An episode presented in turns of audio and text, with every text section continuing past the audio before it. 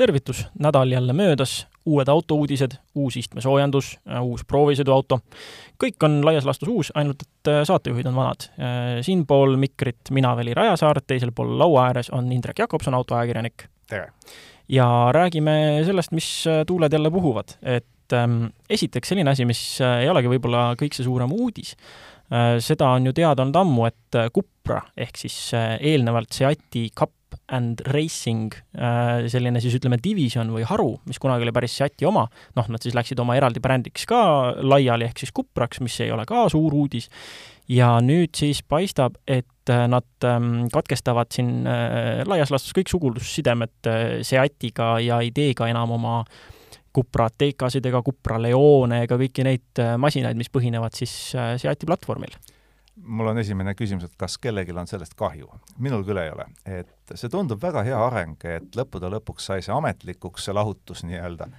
ja, ja seni oligi pisut imelik, et äh, Cupra TK, noh, mis ta siis oli, ta ei olnud ta Cupra, ei olnud ta enam see oli nagu T-Rock R pigem isegi või midagi jah, sellist. sellist, eks ole. et noh, äh, selge on see, et äh, Volkswageni grupi platvorm seesama MQB platvorm, see jääb, eks ole, kuni on need autod, siis tulevad uuel platvormil,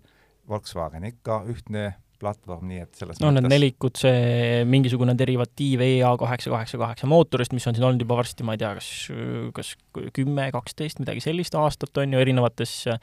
vurtsuastmetes GTI-dest R-ideni välja, et äh, kastid samamoodi, et kõik tegelikult on ju, ongi äh, Volkswagen AG tehnikal ja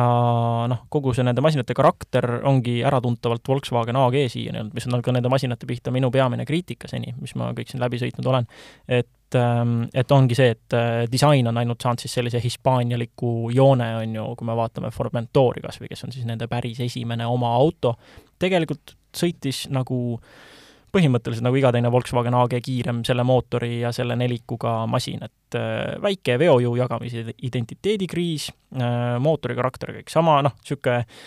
ütleme natukene nagu niisugune nüsitud, nuditud äh, sportlik masin oma tunnetuselt aga ega sealt ju tegelikult midagi muud loota ei olnudki, sest platvorm on see, mis määrab auto olemuse, et kõik kereplekke võib igaüks väänata nii, nagu tahab. jah, et vaatame, kas nüüd saab siis Cupraga äh, natukene vabamad käed, et noh, neil on ju tulemas Born, on ju, issand, see on, kumb, kumb see oli, ID3 või ID4, millel, millel see nüüd põhines? no platvorm on mõlemal ikka üks ja sama ja,. jah, jah, jah, et et jällegi Volkswageni sugemeid ei saa seal ähm, ära lõigata aga, aga jah, äkki nad saavad ka siis äh, autode karakteri osas äh, rohkem vabad käed kui äh,, kui seni, et lisaks sellele disainile. no väga loodame. aga firma, kelle puhul me kindlasti ei pea kahtlustama, et ta on Volkswageni grupi suure eh,, suure Volkswageni grupi väike osa, on Mazda. Ja Mazda on ammu juba teatanud, et ta hakkab vaikselt oma mudelirivi ringi sättima, et me oleme juba harjunud sellega, et meil on CX2 ja CX3 ja Mazda kaks ja, ja nüüd äh, esimene selle ümberseadistamise mudel on ju teatavasti CX30, mille kõrval on ka CX3, mis noh, ütleme nii, et oli kah selline crossoveri laadne toode tema kõrval CX30 on juba täitsa arvestatav auto, piisavalt mugav, hea, heade sõiduomadustega. Ja järgmine siis äh, tulebki CX50, mis äh,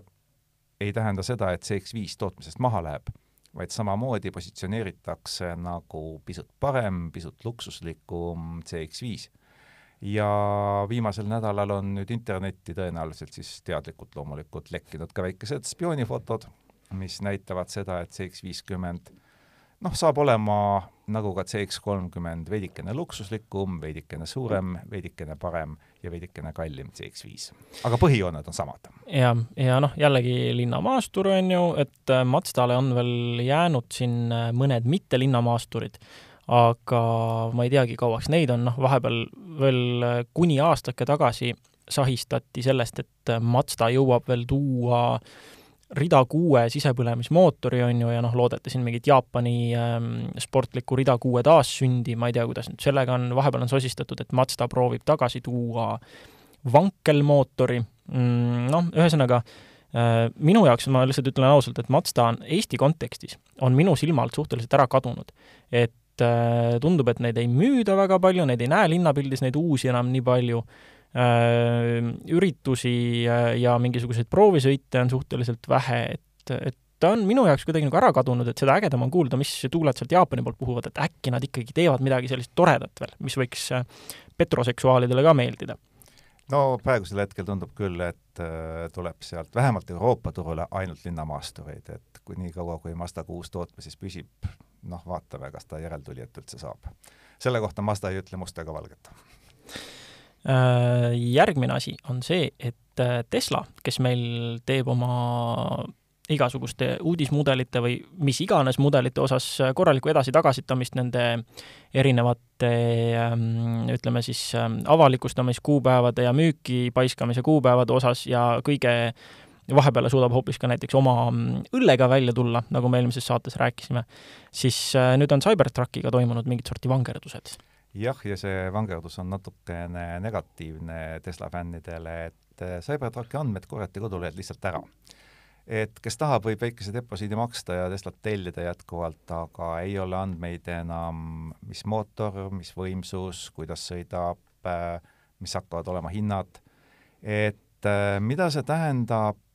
noh, see tähendab paremal juhul, et muutuvad hinnad ja spetsifikatsioon ilmselt, aga Veli, mis sa arvad, mis veel võib juhtuda, et ma ütlen kohe ette, et Tesla siiani väga ei ole klienti petnud, aga, aga selliseid trikke ei ole ka varem tehtud no ma tahaks loota, et äh, Cybertrucki kui sellist ei ole mingite muude projektide kiuste nii-öelda maha maetud. see oleks väga, äh, ütleme, kogu see, kogu see ootus, mis on põhjustatud, just see, et ta on ikkagi väga ebastandardselt äh, futu ja see, et kui sa vaatad neid võimekusi ja hinda ja seda, mis Tesla lubab, et siis noh, arusaadavalt turg on läbi sahistatud ja raputatud, et see peaks tulema ikkagi väga, väga vinge asi, et noh, ma, ma, ma ei usu, et sellega on mingisuguseid, ütleme, Ehm, lõplikke äh, otsuseid tehtud nüüd? kindlasti ta tuleb, et selles suhtes me oleme kõik olnud kogu aeg üht meelt, aga kui me oleme vaadanud siin Rivianit ja Rivianist me täna ei räägi, meenutame ainult seda, et see maksab tunduvalt rohkem kui Cybertruck, siis äh, tõenäoliselt lähevad hinnad pisut ülespoole ja noh, ilmselt ka saab kuju veidi teistsugune olema, et ilm, noh, ikkagi sellisel kujul teda liiklusesse ilmselt ei lase ei Ameerika Liiklusohutusamet ja ega tal ka Euroopas tüübikinnituse saamine lihtsalt ei käiks, et ju tõenäoliselt asjad natukene muutuvad, CyberTruck tuleb kindlasti, aga millisena, see ja, jääbki meile on, kas ja. ta jääb nii nurgeliseks? no ja nurgelistest masinatest rääkides muidugi on äh, järgmine tore uudis on see, et äh, selline asi nagu Renault Forever, äh, jällegi võetud ette selline käik, nagu paistab, et tehti näiteks Honda Jazziga, et sa võtad niisuguse retro, kergelt kandilise kaheksakümnendate ja isegi seitsmekümnendate mõjutustega kerekuju ja siis äh, paned sinna moodsa tehnika ja noh, ühesõnaga teed kogu selle disaini lihtsalt moodsamaks, et äh, Renault samamoodi on Renault nelja eeskujul siis tehtud väike elektrimutukas. No Renault neli oli tegelikult ju üsna tõsine auto, et seda toodeti väga palju miljoneid, seitse, kui mälu mind ei peta, ja kolmkümmend kolm aastat oli ta ju vooluliinil kuuekümne esimesest kuni üheksakümne neljanda aastani, et et äh, nii kaua äh, ei püsinud isegi kõik Lada mudelid.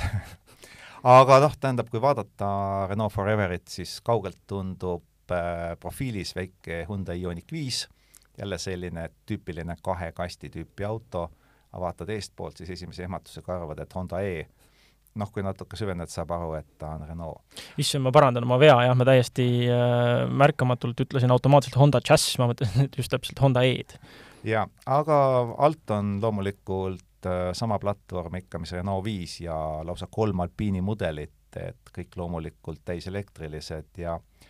ja tuleb müüki aastal kaks tuhat kakskümmend neli, kolm aastat oodata, võib-olla isegi vähem ja mitte juhuslikult, sest see on täpselt see aasta, kui on planeeritud siis Zoe tootmisest mahavõtmine, et üks etapp äh, Renault elektriautonduses saab sellega läbi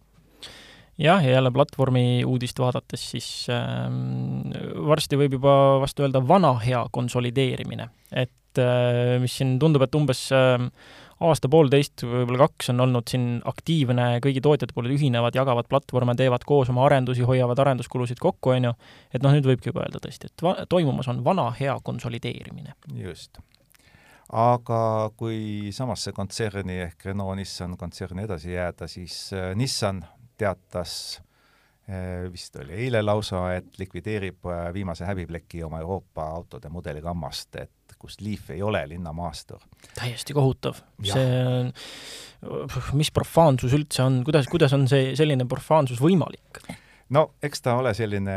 ajale jalgu jääv asi ja, ja eile siis öeldi, et aastal kaks tuhat kakskümmend viis vahetatakse välja ja tuleb ilus korralik crossover. kas nimeks jääb Leaf, ei ole veel päris kindel, kindel on see, et ta tuleb CMF EV platvormil ehk samal siis, kuhu ka Nissan Ariya ja Megane, Renault Megane ELE, E-Tech Electric ja tegema hakatakse ikka sealsamas Inglismaal Sunderlandi tehases ja ainus auto, mis jääb siis veel mõeldes Nissani mudeligammal Euroopas, on Micra ja sellest ei ole eriti teada, mis tast saab, aga suure tõenäosusega ilmselt võib-olla jääbki ta müügile ainult Renault Clio nime all ja Nissani brändi all teda ei müüda. aga samaks kahe tuhande kahekümne viiendaks aastaks on Nissan juba öelnud ka, et äh, siis on nende autod kõik elektrilised, kas nad on siis nüüd tavalised äh, täishübriidid, laetavad hübriidid või elektriautod ja kahe tuhande kolmekümnendaks aastaks siis ainult täiselektrilised, et Neil on ju praegu see, issand, mul ei tule nüüd jällegi mälust kohe ei tule meelde, mis see, selle nimi on, aga mida nad Jaapanis innukalt müüvad, on see äh, siis elektriautod, millel äh, väike bensiinimootor siis ikkagi toodab kütusest elektrit, aga nad saavad selle siis elektri peal sõites suurema kasuteguri ja pluss siis see, et nad on äh, elektri, elektriauto iseloomu ja ka siis dünaamikaga juba ja kõik see, et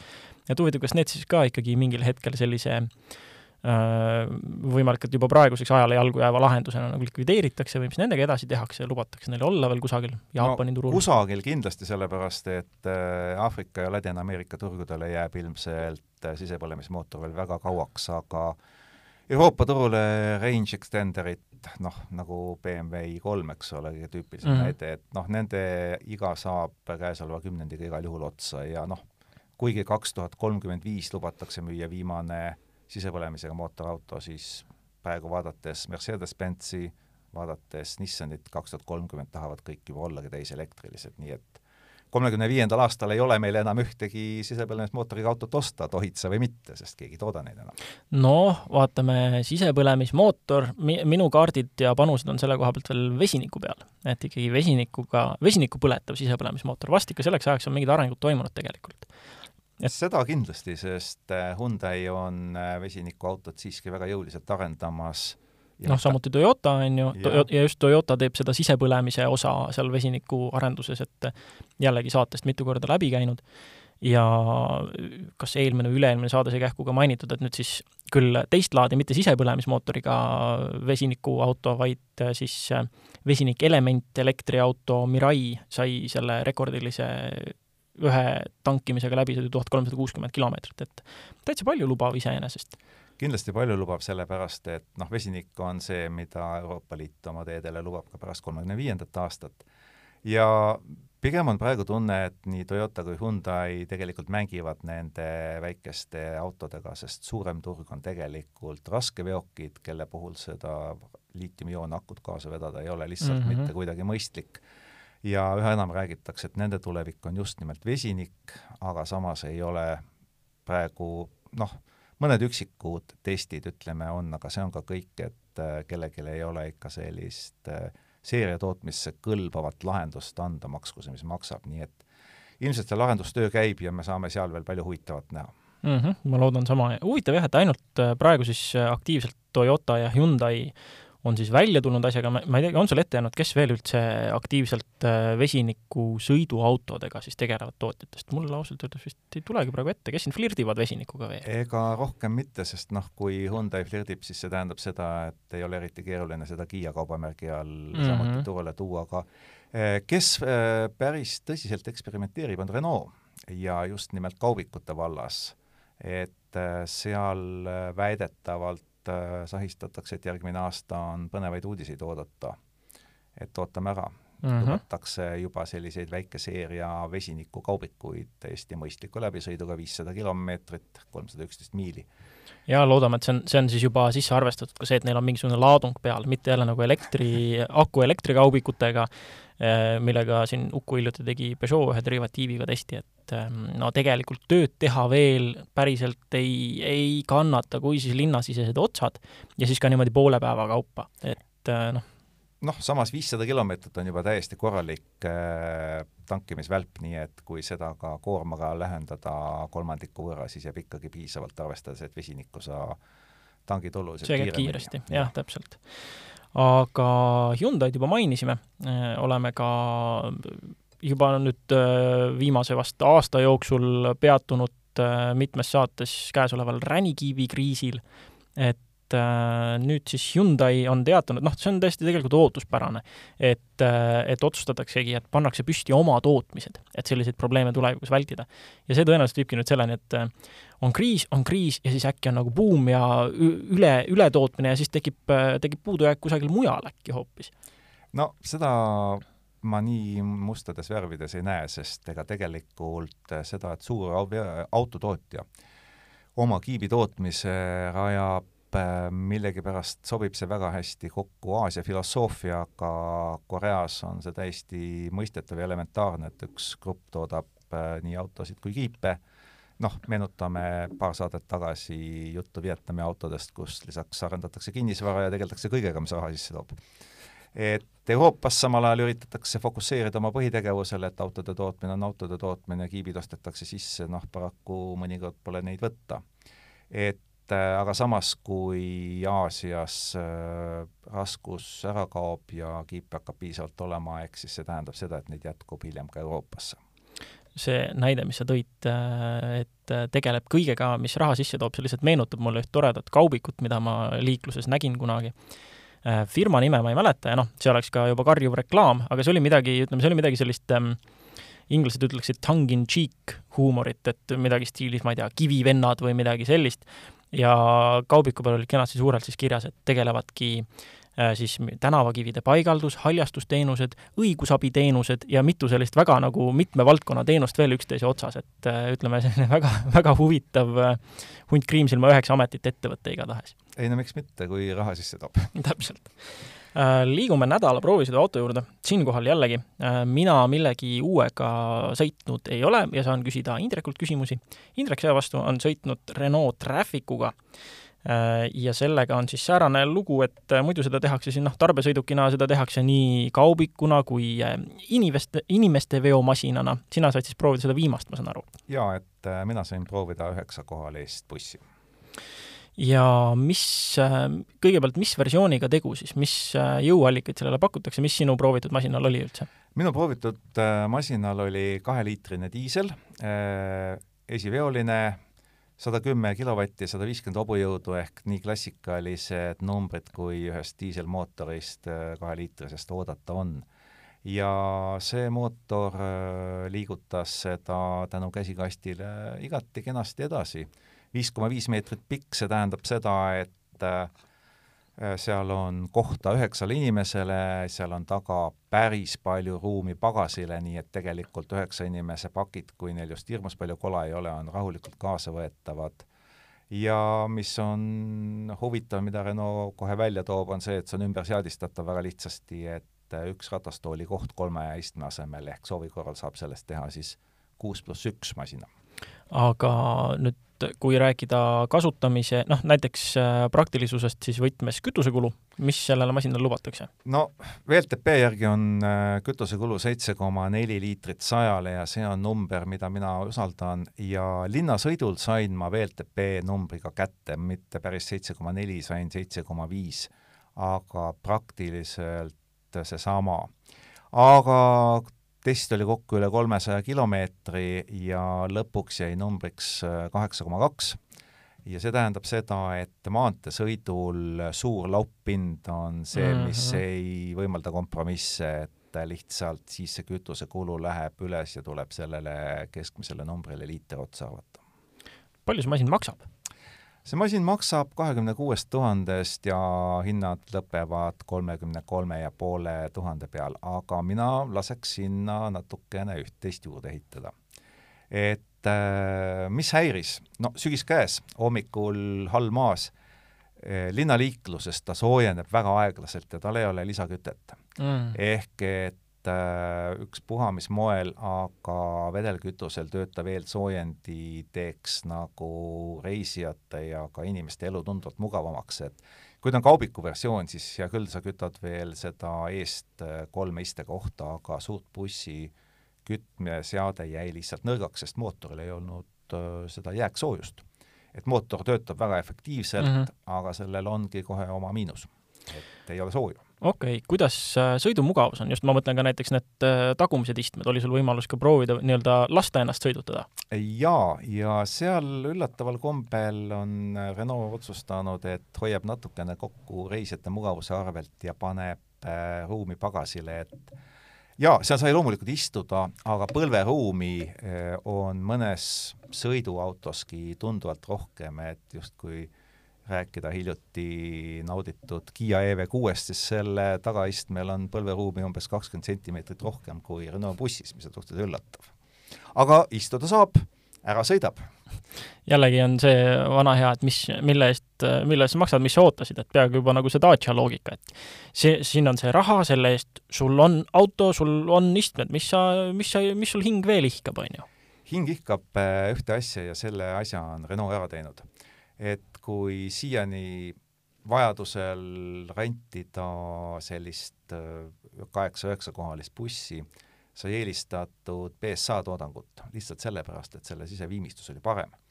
siis selle koha pealt on Renault hakanud järgi jõudma, et äh, tavapäraselt panime selle autoga julma munakivitesti ja selle tulemuseks oli neli väikese miinusega, mis äh, odava bussi kohta on tegelikult väga hea tulemus. ma süstin vahele, et äh, kuna meil vist see on äh, saates esimene munakivitesti mainimine, Indrek kasutab seda regulaarselt oma lugudes, ma saan aru, et sul on täiesti oma üks kindel munakivitee lõik, mida sa siis sõidad, on ju? jaa, täpselt, see on kaheksasaja meetrine munakivitee lõik, väga uute munakividega kaetud, ma sõidan seal viiskümmend kilomeetrit tunnis, täpselt nagu lubatud, ja jälgin väga hoolega kõiki hääli, mis seal ongi tulevad ehk et ta on subjektiivne, ma ei mõõda detsibelle, aga ma loen üles kõik kolinad, klobinad mm, -hmm. naginad ja see annab tegelikult äh, päris hea hinnangu sellele, kuidas see auto on kokku pandud. nii, ja mis sa ütlesid nüüd äh, Trafficu kohta, neli miinus? jaa, neli miinus tähendab seda, et äh, ma ootasin, et äh, salong hakkab kumisema, sest nii mõneski kohas oli siiski veel haljast plekki ja plast ei ole katsudes sugugi mitte kõige kvaliteetsem, aga seda ei juhtunud et loomulikult äh, selle hinnaklassi suur masin siit koliseb, äh, sealt logiseb ja kolmandast kohast nagiseb, aga seda oli vähe. ja see ei häirinud, et selles mõttes äh, Renault on teinud oma siseviimistluses suure kvaliteedihüppe, ilma et nad teeksid neid materjale väga äh, peeneks, pehmeks mm -hmm. ja raskesti puhastatavaks. no samas vaadates jah, nagu sa juba mainisid BSA ära, on ju, siis äh, Citroenil näiteks see disain ja kõik on ju nii suur müügiargument, on ju. see on selge, et, äh, et äh, tuleb, tuleb lihtsalt järele tulla, aga kes meil veel konkurent üldse Trafficul on praegu enam-vähem selles hinnaklassis? No nagu sa juba ütlesid, et Citroen on põhiline konkurent ja Peugeot ju samamoodi pakub selliseid kaheksa või üheksa, paranda mind, kohalisi busse, et need tulevad, pluss nende erinevad versioonid, ma ei tea, kas Nissan Reisi versiooni oma kaubikust pakub, aga need on põhilised konkurendid, noh, ja muidugi Volkswageni kas Caravelle või siis juba kallimad äh, multivanid, aga mm -hmm. noh. no aga need on juba selle nende hinnaklass on teine, et nendest me, neid me sellepärast nagu konkurentideks ei pea, et konkurendid ikka samast Prantsusmaalt tulevad. oled sa saanud mõnda lähikonkurenti proovida ka või võtame praegu Traffic omale selliseks nii-öelda esimeseks äh, lähtekohaks ja, ja siis kasutame seda võrdlusmaterjalina, kui mõni sarnane veel tuleb? Olen küll, aga see juhtus neli ja pool aastat tagasi, nii et ma arvan, et ärme seda nagu ajad on natuke edasi läinud, jah, jah. edasi läinud, jah. aga üldine hinnang siis on see, et selle hinna eest on täiesti kasutatav asi oma väikeste kompromissidega, mis, on seal veel mõni kompromiss, mida peab tegema? on, ja see on päris karm kompromiss. Eh, nagu ma ütlesin eh, kohe alguses, et see auto liigub väga naksakalt mm, -hmm. ta on mugav, ta on mõnus, ta on juhile väga hea auto, kui sa ostad ta automaatkastiga mm. -hmm. tavaliselt ma alati soovitan, ostke manuaalkastiga auto, sest siis te ise kontrollite, mida te teete. ja Renault on teinud ühe väga rumala konstruktsiooni, ehk et kujutate ette, eks ole, siduripedaali mm, -hmm. siduripedaalil on küljes vedru, mis seda siis teatavasti tagasi viib tema tavalisse asendisse, ja siis on Renault insenerid mõelnud, et äkki keegi läheb vastu seda vedrut või jääb, äh, juhtub selle külge jalg kinni jääma ja siis nad on pannud selle peale plastmassist kaitse. aga välja tuli nagu alati, taheti parimat, et äh, tegelikult jääb jalg selle plastmassist kaitse ja pedaali vahele kinni ja, ja see võib isegi liiklusohtlik olla, et selles mõttes äh, jah, kui sa õpid natuke teistmoodi sidurit laskma, sa ei libista teda mm -hmm. harjumuspäraselt, noh, saab sõidetud ja kui väga täpselt ära timmida, eks ole, siduripedaali asukoht, äh, äh, noh, saab ka sõidetud. aga ei ole mugav, et selles mõttes sa pead alati mõtlema, kuidas sa selle jala nüüd sealt siduripedaalilt üles lased. et, et automaatkast selle auto puhul erandkorras ütlen, et on parem lahendus. Äh, on sul kusagil ees, palju automaatkast lisab hinnale? jaa, see lisab hinnale päris korralikult kolm tuhat kaheksasada eurot. nii et äh, küsimuses, kas see raha tasub ennast ära, kas see mugavus on seda väärt?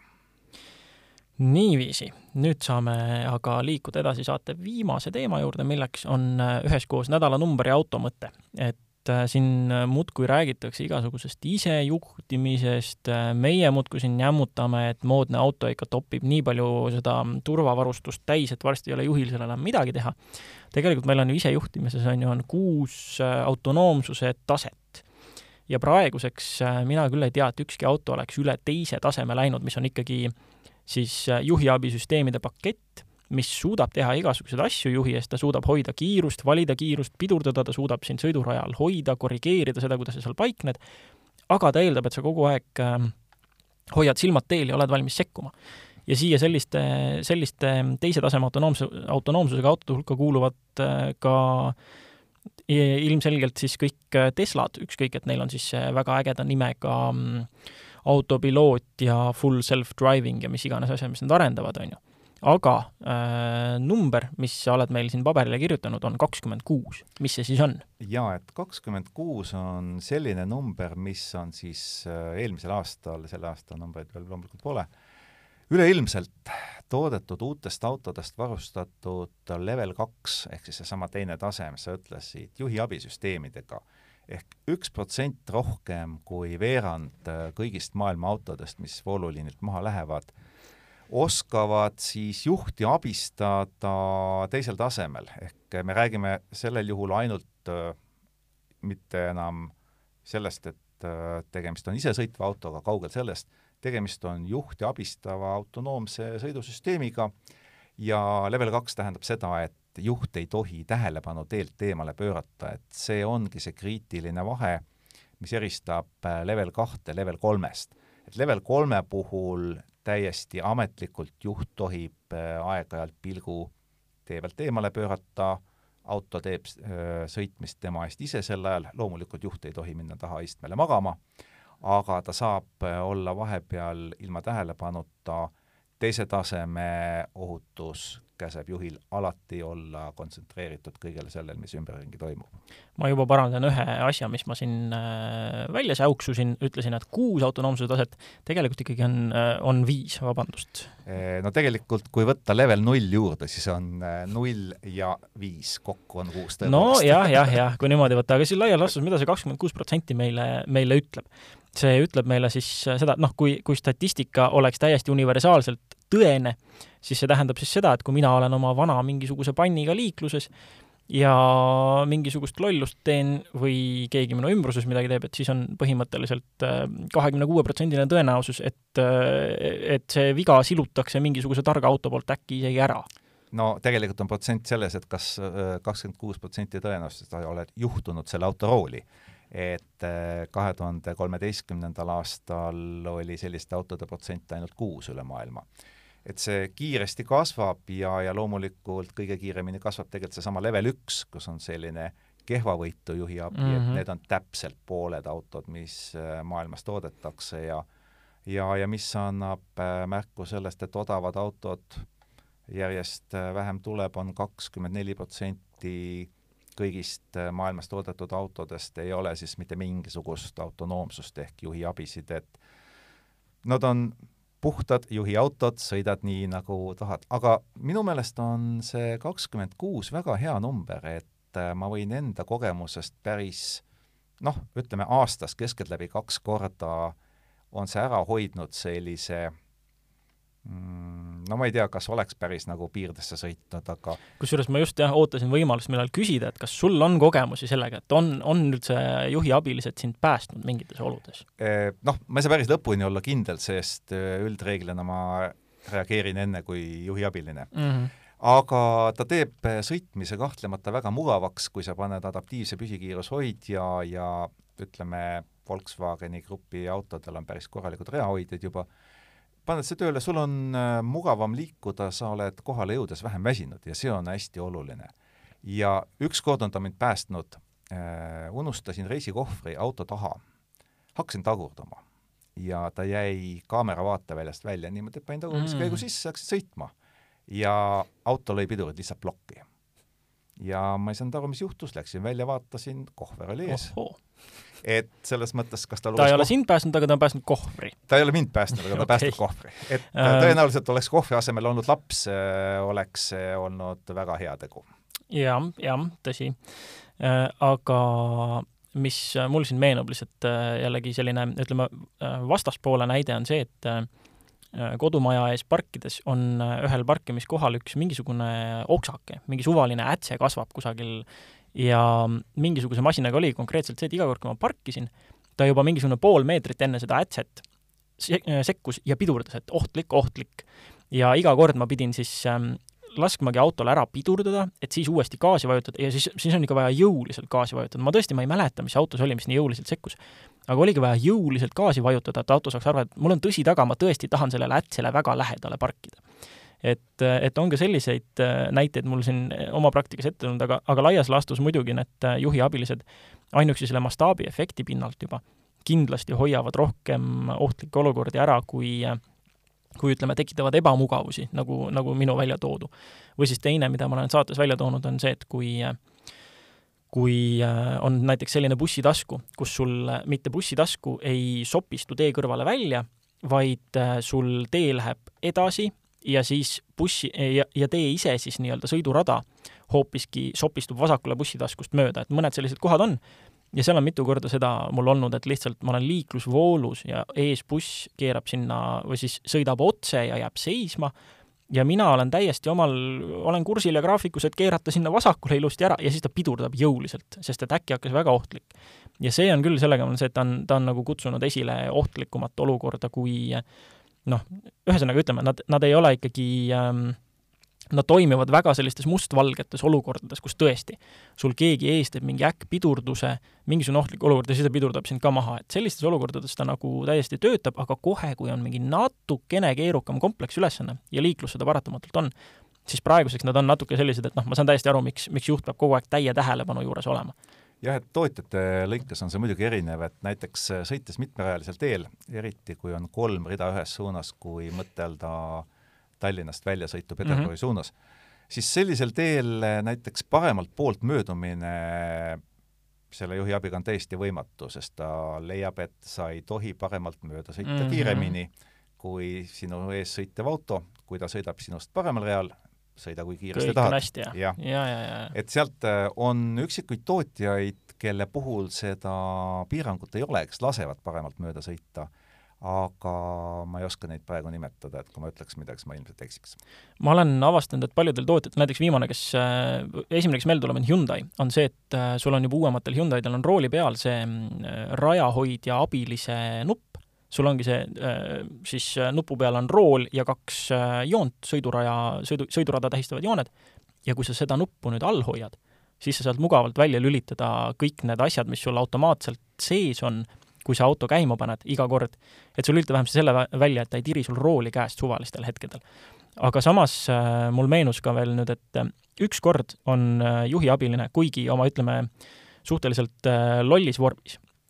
mind äh, päästnud tagant otsasõidust. et äh, oli klassikaline olukord, see oli, ma mäletan, see oli Fordi mingisugune Transiti mingi bussi versioon ja sellel ei olnud äh, ise sekkuvat abilist või kui oli, siis tal oli see põhimõte, et enne ta karjub su peale ja kui sa siis ei reageeri, siis ta vist pidurdab. mingisugune sa-, säärane Nad kõik tegelikult nii toimivadki. et mingi säärane variatsioon, aga ta oli jah see, et ta jõudis mu peale karjuda. mul oli nii, et ma sooritasin kusagilt foori tagant pimedas vasakpööret, mu ees oli üks auto ja ma nägin, et ees hakkas auto liikuma ja ma hakkasin ka vaikselt liikuma, vaatasin kähku paremale, et ega keegi ei ole ristmikule mingil hetkel, noh, ühesõnaga niisugune alateadlik kontroll kähku, et kas kõik on ikkagi puhas. ja selle paremale vaatamise jooksul jõudis eesolev auto ikkagi mingil põhjusel pidurdada ja seisma jääda ja oligi siis see Ford karjus mu peale ja siis ma pidurdasin ka. et tõmbas mu tähelepanu ja noh, ja see on täpselt üks olukord, kus ma tean, et juhi abiline on midagi, midagi head teinud, et äh, siiamaani kõik muud asjad on sellised, ütleme, ebamugavused, mida nad on pigem põhjustanud, et siiani ma vähemasti eelistan neid nagu välja lülitada. aga eks jällegi, aeg liigub, mina jään vanemaks ja laisemaks, võib-olla tõesti ma kunagi tervitan juba kahel käel neid abilisi ja nende aina kõrgemaid autonoomsuse tasemeid, mis, mida nad siis meile kui juhtidele pakuvad ja no teisest küljest võttes, arvestades äh, üha äh, pealekasvavat põlvkonda, kelle sõidupraktika on paratamatult väiksem tihtipeale, siis äh, kui sul on vähe praktikat, sul ei ole ka oskust näha ohtusid. ja see tähendab seda, et sellised juhiabid aitavad noorel juhil, me kõik oleme kunagi olnud noored juhid, noh, ta välistab sul selle, et lihtsad ohud hakkavad karjuma su peale, enne kui sa näiteks tagavasakul pimedas nurgas olevale autole külgepidi sisse keerata. ja samas on see, et need, äh, need abilised, ma tunnen kohati, et isegi need kõige targemad ja praeguste kõige kallimate ja premiumimate ja arenenumate brändide juhiabilised, nad ei ole veel sellises kohas jah, kus neid nagu täielikult usaldada saaks, et siin on näide, ma käisin äh, Mallorcal äh, uue, uute Lexus ES-i ja Lexus NX-i esitlusel, sellest siis räägime vast järgmine saade ja see, neil on ka pandud siis see tark nii-öelda jalgratturi abi, jalgratturi kaitse, et kui sa hakkad ust avama ja ta tuvastab tagant läheneva jalgratturi, siis ta ei lase ust avada. ja noh, kuna me läksime seal nendele käänulistele serpentiinidele sõitma, paraku nii kehval ajal, et need olid jalgratturitest umbes, siis äh, saigi katsetada, et autoga ummikus istudes jalgratturid muudkui vurasid mööda ja siis proovisid sealt juhi kohalt seda ust avada. ja ütleme, see niisugune mm, ähm, noh, fifty-sixty, et Äh, ühelegi jalgratturile pihta ei õnnestunud uksega panna, aga olid nagu, oli nagu ikkagi, olime valmis äh, mitte ust nagu lõpuni avama, aga lihtsalt vaatama, kas ta laseb. mõned korrad ei lubanud, mõned korrad ikkagi lubas, et äh, jällegi see on see, et sa ei ta, ta, ta päästabki sul võib-olla, kui sa oled tähelepanematu, siis niisugune fifty-sixty päästab sul mingisuguse olukorra, aga sa ei saa teda kunagi lõpuni usaldada. aga ta ei olegi mõeldud, et seda lõpuni usaldad, aga kui ta päästab äh, pooled pleki mõlkimised siis see on tegelikult ju väga suur ja ongi täpselt seesama mastaabiefekt, on ju. vot, aga selle noodiga tänase saate lõpetame ja vast järgmisel nädalal kuulame uuesti, aitäh! Kuulmiseni!